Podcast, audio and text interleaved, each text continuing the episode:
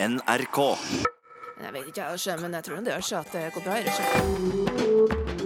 Nei, det skulle ha vært en helt annen Jølevålegale, Små barn i Trondheim lyder som bergensere. For nå sier de yngste én jente og jenten. Vi ble veldig overraska både over å finne at ingen av ungene sa ei. Vi holdt jo på å dette av stolen første gang vi hørte det. eh, Men òg at eh, så mange av de yngste sa, var veldig konsekvent på å si én. Og hunnkjønn er på vei til å forsvinne fra språket vårt. Man kan godt uh, ta på seg aktivisthatten og ønske å redde det, det grammatiske hunnkjønnet, men uh, det er veldig lite å gjøre, rett og slett. Hvilket ord har satt sitt preg på 2017? Vi vil ha forslag til kåringa av årets ord. Vel møtt til Språkteigen. Er folk i Trondheim på vei til å bli bergensere? Da tenker jeg rent språklig sett i sin bruk av hunnkjønn. Ny forskning gir nemlig slike signaler. Språkforskerne Guro Busterud og Terje Londal ved NTNU i Trondheim ble overraska da dem oppdaga at unger i Trondheim har begynt å si jenten i stedet for jenta. Jo, den tendensen ser vi jo bare i de aller yngste barna, eh, som da sier jenten og boken osv., og, og som egentlig ikke har eh, A-endelsen i det hele tatt. Et tydelig begynnende mønster for de aller yngste. Um, og da vil vi jo anta at det vil eh, fortsette å spre seg. Vi ble, jeg må si at vi ble veldig overraska både over å finne at ingen av ungene sa ei. Vi holdt jo på å dette av stolen første gang vi, vi hørte det. Men òg at eh, så mange av de yngste sa, var veldig konsekvent på å si én. Det var veldig overraskende. Det var i et forskningsprosjekt på grammatisk hunnkjønn disse funna ble gjort. En undersøkelse gjort i ulike aldersgrupper, der både voksne og barn helt ned i treårsalder var med. Og Guro, kan du si mer om funna dere har gjort? Vi har funnet at uh, hunnkjønn ser ut til å være på vei ut, spesielt blant de unge trondheimerne. Og vi har undersøkt bruk av, uh, av grammatisk kjønn i ubestemt form. Altså vi har sett på produksjon av én i én gutt, og ei i ei jente, og, og ett i ett tre. Og der fant vi at uh, ungene, de yngste barna våre, de sier så å si aldri ei. De sier én jente og én flaske og én bok. Vi skal høre litt fra da du gjorde testen på sønnen din August. Den gangen var han snaut tre og et halvt år. Er du klar? Ja. Da skal vi leke, da. Testen ble gjort som en lek på datamaskin. Den fikk se to bilder, så forsvant et av bildene, og dem skulle si hva som ble borte. Og her er noen av hans svar. Hva har vi her? En gul prinsesse og en gul prinsesse. Og hva forsvant? Oi! Hva, hvem ble borte? Den rote prinsessen. Hva har vi her? Um, en genjente og en rosa jente. Og hvem forsvant da? den rosa jenten. Oi! Hva har En rød bok og en blå bok. Ja. Hva forsvant? Den blå boken. Ja. Og det er jo vanlig blant de yngste unga å feile litt på artikkel. Eksempel som det her. Hva har vi her? Dog. Et dog og en fin dog. Det grønne doget var borte. Ja. Eple, en grønn eple og en. Den grønne eplen var borte. Det var intet kjønn han eh, slet litt med. Men dette her, det retter seg når unga blir eldre. Det er altså bare hunnkjønn som forblir feil. Jo, de, eh, altså de tre- til femåringene og seks- og sjuåringene, de sier konsekvent så å si én hele tiden. Og vi så at eh, på produksjon av, av intetkjønn, altså å si ett hus, så ser man at de har litt lavere produksjon av og til de aller yngste, men det er oppe på full produksjon når de er seks-sju år. Mens det finner vi da ikke for hunnkjønnsartikkel, da. At bruk av hunnkjønn er på retur, har forskere sett ei stund i Oslo-dialekter.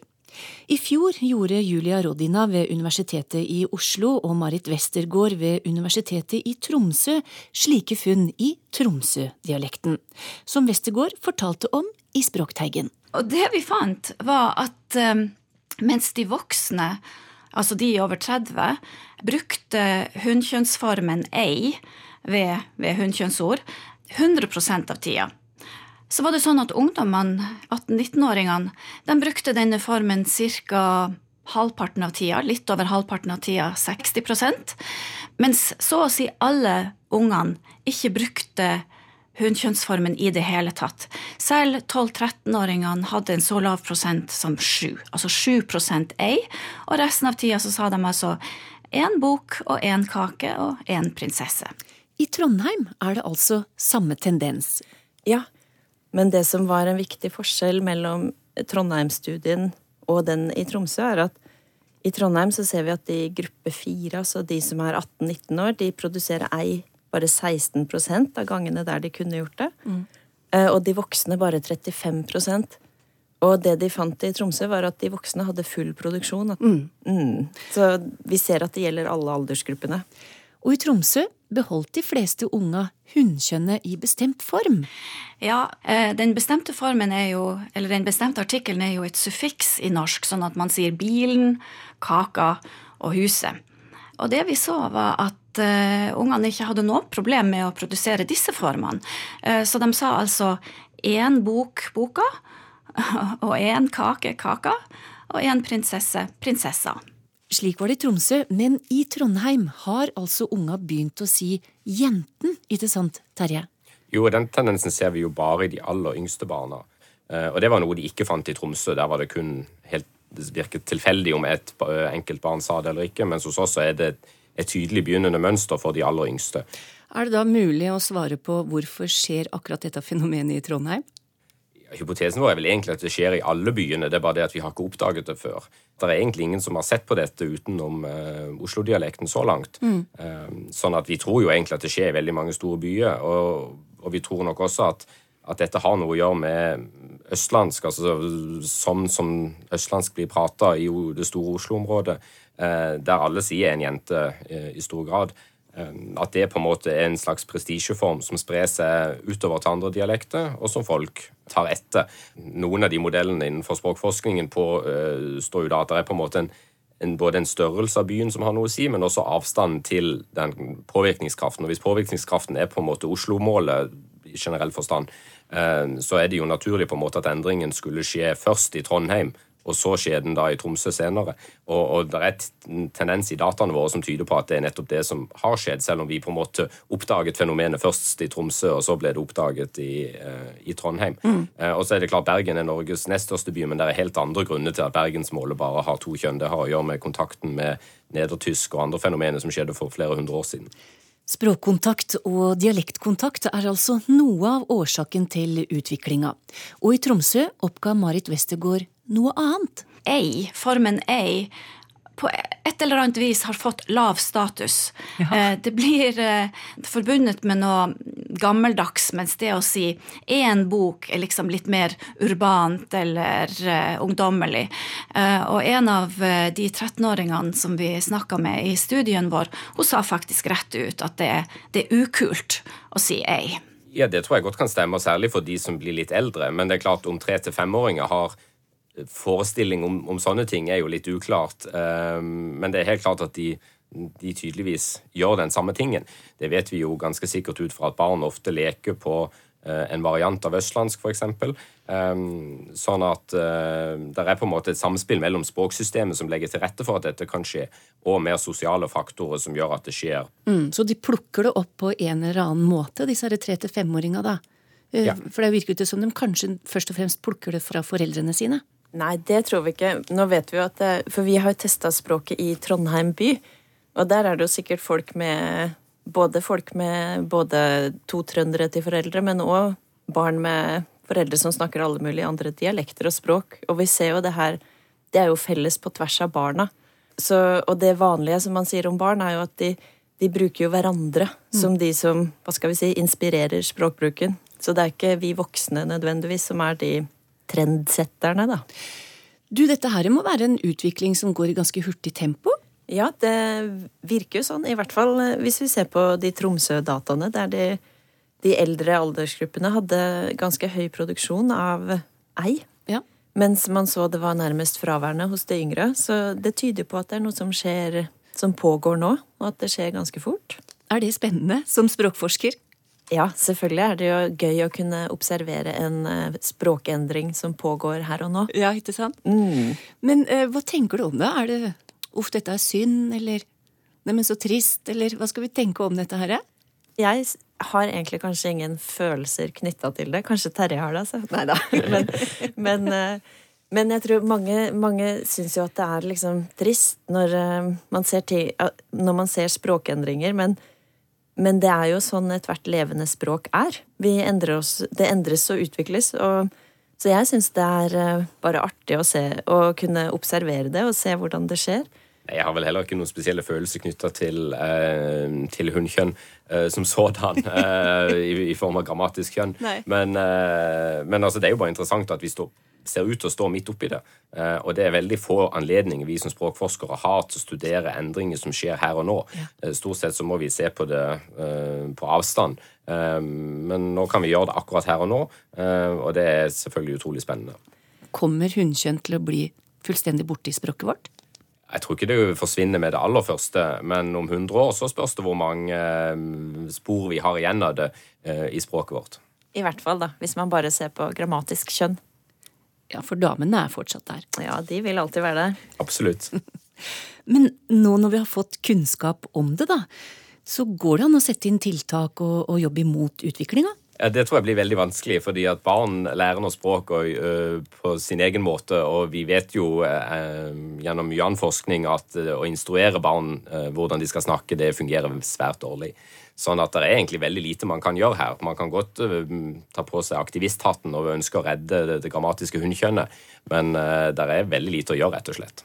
Ja, og hva er poenget, på en måte? Det er jo helt naturlig at språket endrer seg, så Men sjøl ikke når du er klar over det, og kan begynne å, å, ja, å jobbe mot barn, da, som du sier. Den viktigste grunnen til at det er vanskelig å jobbe mot det, er at barn lærer språk av seg selv eh, og av omgivelsene sine.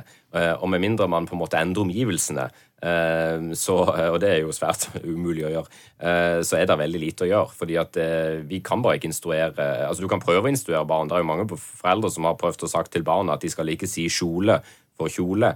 Og de fleste som har prøvd det, vi har jo også merka at det er veldig liten effekt av den rettelsen. Jeg har òg hørt, apropos det kjole-kjole-eksempelet til Terje, så har jeg jo hørt om et barn som sa at i barnehagen sier jeg kjole, og hjemme sier jeg kjole. Og jeg tror at det språket ungene vil fortsette med, er jo det de har med sine jevnaldringer. Og ikke eventuelt den varianten de fortsetter å snakke med oss gamle foreldre.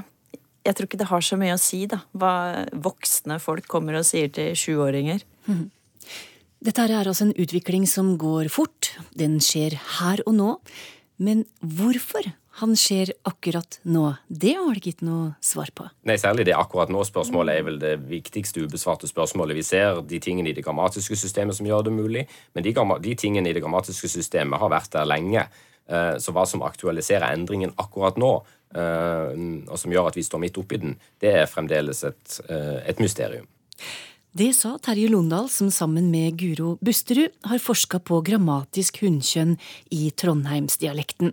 Begge er språkforskere ved NTNU i Trondheim. Vi skal ikke helt slippe tak i dette med grammatisk kjønn, for nå skal det òg forskes internasjonalt på det her. Terje Londal skal sammen med Marit Westergård i Tromsø lede ei forskningsgruppe for å få mer kunnskap om temaet.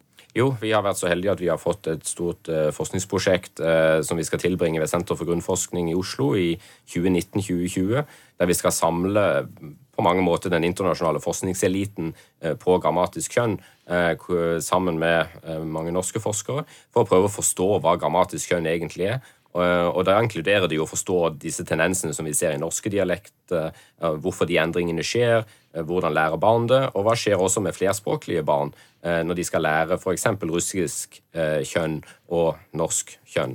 Um, sånn at det er veldig mange forskjellige eh, spørsmål vi skal stille i, det prosjektet. Eh, der kanskje hovedteorispørsmålet er om grammatisk kjønn er det samme på alle språk. Eh, er det noe sånn at Hvis du finner grammatisk kjønn på et språk, så er det akkurat det samme? Eh, Eller er det sånn at grammatisk kjønn faktisk er noe eh, for seg selv i hvert eh, av av de språkene vi har i verden? I norsk er det hunnkjønn som er på retur, da, mens hannkjønn og intetkjønn ikke opplever noen endring.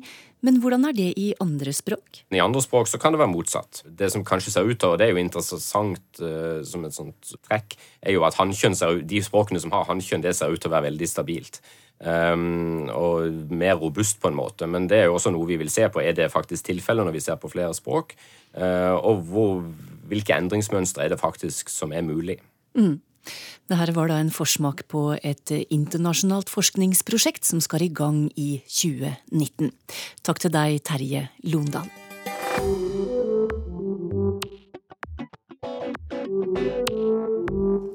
Nå skal vi se litt framover. Samtidig som vi tenker litt bakover. For det nærmer seg slutten på 2017, og vi skal i år, som foregående år, kåre årets ord. Og da trenger vi hjelp fra deg. Det er du som må hjelpe oss å tenke litt bakover i tid og komme med forslag på hvilket ord som har satt sitt preg på det året vi nå legger bak oss. I fjor hadde vi kandidater som hylekor. Det er jo et gammelt norsk ord, men plutselig så ble det heva opp til et nyhetsord som alle hadde hørt om.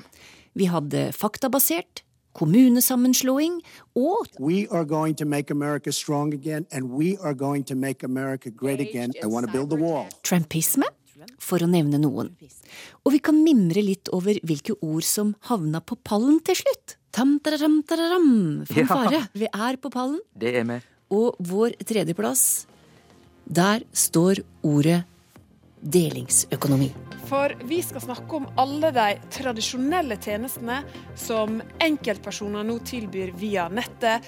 Vel møtt til debatten om delingsøkonomien. På andreplass kom ordet doping. Ja. Vi har fått dopingsjokk i år. Det har vi virkelig, ja. Når det er så sterk kandidat, så er det jo fordi at doping både er så sentralt i det norske debattsamfunnet og mediesamfunnet, men også internasjonalt. Men helt på toppen sto et annet ord, og kåringa skjedde slik. Ja, men da gjør vi det bare, da, Sylfest. Avslører årets ord 2016. Hva faen, er det homo? Jo, kanskje jeg er litt homo, da, men ja, jeg er ikke keen på dere, eksempel. Det er ikke sånn at jeg går rundt og er keen på alle gutter hele tida. Skam ble årets ord i 2016. Og eh, dette programmet fikk jo Foreningen Nordens språkpris for 2016. Men hva bør bli årets ord i 2017? Send ditt forslag på e-post til teigen krøllalfa nrk.no, eller send ei melding til oss på Facebook. Og på Facebook så er vi en del av NRK P2, så du må sende meldinga dit.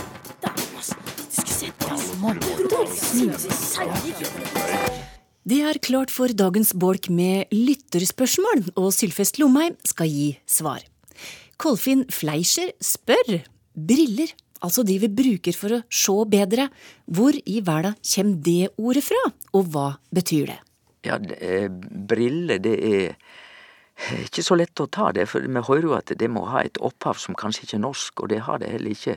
Det kommer fra eh, På latin så er det beryllus, og et gresk ord er beryll, og det blir brukt om glinsende eh, grønne steiner som sannsynligvis, sannsynligvis da er gjennomsiktige, altså eh, en glimestein. Og derfor beryllus på latin, det betyr rett og slett skinande. Og det er det samme vi har i briljant. Det betyr det som skiner. Det har vi fra fransk briller, eh, som betyr å skine. Så der er opphavet til våre briller. Men svenskene er det jo mye enklere for seg, de snakker om glasøgon. På, på engelsk så vil vi jo kjenne ordet spectacles, men også glasses, så engelsk har begge deler. Glasses, som jo er glas, og det er det som kino er blankt, også på tysk, glas. Men der er det òg det latinske ordet, spektare, som betyr å sjå på latin. Og vi har det jo i spectators, det er publikum, det er de som ser. Og spectacles er det du bruker for å sjå betre. På fransk eh, der bruker de ikke Altså, vi har det samme som briljant på fransk, som skinner, men franskmennene bruker ikke det ordet i det hele tatt. De bruker lynett. Og det er litt artig, fordi at lynett er en liten måne. La lune heter det på fransk. Måne. Og lynett, òg må vi tenke oss ramma rundt brilleglasset. Det er rundt som en liten måne. Så det å forklare alle orda for briller i europeiske språk, det blir det blir et helt lite foredrag, det, Torunn. Jeg hører stadig oftere folk si grunnen til det er fordi. Jeg ville tro det var riktigere å si enten grunnen til det er at eller det er fordi, skriver Ida Baalsrud. Er det noe jeg har gått glipp av når jeg hører så mange si grunnen til det er fordi, spør hun. Nei, kjære Ida Baalsrud, du har ikke gått glipp av noe som helst. Du har tvert imot forstått hva som eh, er rett norsk, for du har helt rett. Og det er også rett at det blir tulla mye med dette, men det, grunnen til det er at noe sånn og sånn. Men årsaken er at det også, men fordi det er slik, så er det slik, altså. Dette skyldes at, må vi si, men årsaken er at. Og eh, min gode venn og kollega Per Egil Hegge har jo skrevet ganske mange ganger om denne sammenblandinga i spalta si i Aftenposten. mm. Der dette med Årsaken er sånn og sånn, men dette skyldes at. Vi må for all del ikkje seie årsaken skyldes at. Da blir det dobbelt opp med årsak, altså både årsak og skyld. Og det går ikke. Og det er det samme med grunnen til det er fordi. Ja, nettopp. Da er det både grunn og fordi. Begge uttrykker årsak. Paul T. Andersson skriver Hva er riktig uttale? Kompromiss eller kompromiss? Det siste er at å si kompromiss er ikke regna som korrekt uttale nå. Og det betyr, Torunn, at du for eksempel i NRK, du bør ikke si kompromiss, men du bør si kompromiss. Medan andre folk, også de som blir intervjua i NRK, de får jo bare politikere og andre, de får si som de vil. Men er de smarte, så ville jo de òg bruke det som er den tilrådde uttalen, nemlig kompromiss. Grunnen til at folk sier kompromiss, er jo fordi dette er et fransk ord. Kompromiss. Og alle som kjenner meg, vet at jeg har på ingen måte noe imot fransk, tvert imot. Men det er ingen grunn til å uttale dette ordet på fransk maner i norsk. Og vi har flere slike. Vi har jo energi eller energi. Mm. Energi, jeg skal si det på fransk, energi. Men det er ingen grunn til å si det på fransk maner. Det heter energi, og det ordet er jo i opphavet heller ikke fransk. Det kommer fra, fra gresk. Og vi har pensjon, eller pensjon. Pensjon, det er fransk, men jeg mener at på norsk så held vi oss til pensjon. Vi uttaler ordet som vi skriver det. Og det samme med centimeter. Det er ingen grunn til den franskinspirerte uttalen centimeter. Men nå var dette veldig mye uttale, og du, Torunn, veit jo at det å være NRK-journalist, det er krevjande, fordi at en NRK-journalist er faktisk pålagd å følge det som er tilrådd uttale av ord og navn. Og det er ikke alltid enkelt. Det betyr at eh, en som jobber i NRK Daglig så er det flere utfordringer. Skal dette uttales slik eller slik? De som ikke jobber i NRK, har ikke det kravet på seg. Ingen politiker, ingen eh, eh, høgt utdanna person i akademia. Nei, de kan snakke som de vil. Kan dere forklare den eventuelle sammenhengen mellom orda uminnelig og alminnelig, spør Geir Jonsson. Det er egentlig ingen sammenheng. Fordi at minnelig og minnelig, i uminnelig og alminnelig, er to helt ulike ord. I det siste, alminnelig, så kjem det fra ordet allmenn. Det som er allment, det er alminnelig. Og da ser vi at allmenn, det er alle menn, altså alle mennesker. Det gjelder alle, det er det vanlige. Da er det allment, alminnelig. Men uminnelig, det er rett og slett ordet minne, altså hugset vårt som vi har oppgjør at vi hugser ting. Og når ting er uminnelig, så er de så langt tilbake at det er umulig å huske så langt tilbake. Så derfor er det helt Det er uminnelig. Mange ganger er det nyttig å vise hvor i ord han vil legge trykket i uttalen av dem, skriver Ruben J.T. Johansen.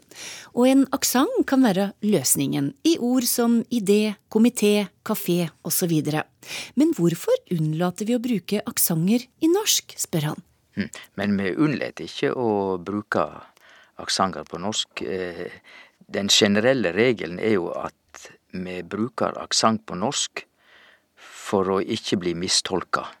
Og det betyr at eh, det er ikke noe særlig farlig om vi sløyfer aksenten over komité, fordi at det ser jo vi med en gang at eh, hva slags ord det er. Men i det, og i det, der går det ikke. Der må vi ha aksent. Og tenk på alle og allé. Hvis det er ei, rekke med tre, to trerekker på sida av vegen, som leier opp mot et hus, så er jo det en allé. Hvis ikke vi har aksent der, så blir det jo alle. Så vi bruker sjølsagt aksent på norsk etter behov. Det er liksom regelen. Men eh, vi bruker ikke aksent på norsk for eksempel eh, slik som de gjør på islandsk og færøysk. Eh, på færøysk så skriver jeg Olav med, med aksent over o-en, for å markere at det er en trang o. Men vi skriver jo Olav bare rett fram. Og på færøysk så skriver jeg Torshavn med aksent over o-en. Men det gjør ikke vi på norsk. Det har jo ingen funksjon og ikke nødvendig på norsk. Så eh, altså, færøysk og islandsk bruker mer aksent i, i sitt skriftspråk enn det vi gjør. Mm. Og Ruben J.T. Johansen spør nettopp om det. Hadde det ikke vært lettere for utlendinger å lære uttalen på norske ord hvis vi hadde mer utbredt bruk av aksenter? Jo, det, han har et poeng der, fordi at iallfall utlendinger som er vant med, vant med at eh, den aksenten som går oppover mot høyre, da er det trang lyd, og den aksenten som går nedover til høyre, da er det åpen lyd. Eh, det kunne jo hjelpe av og til, sjølsagt, men, eh, men eh, det vil jo òg vanskeliggjøre skriftspråket vårt, så jeg tror vi har en god praksis jeg, i norsk. Sylfest Lomheim svarte på lyttespørsmål i Språkteigen i dag. Og vi kan minne om adressen til deg som kanskje sitter og lurer på et språkspørsmål, eller har andre ting på hjertet. Send en e-post til teigen krøllalfa nrk.no, eller du kan bruke både Facebook og Twitter. Og med det er Språkteigen slutt for i dag. Ha det bra.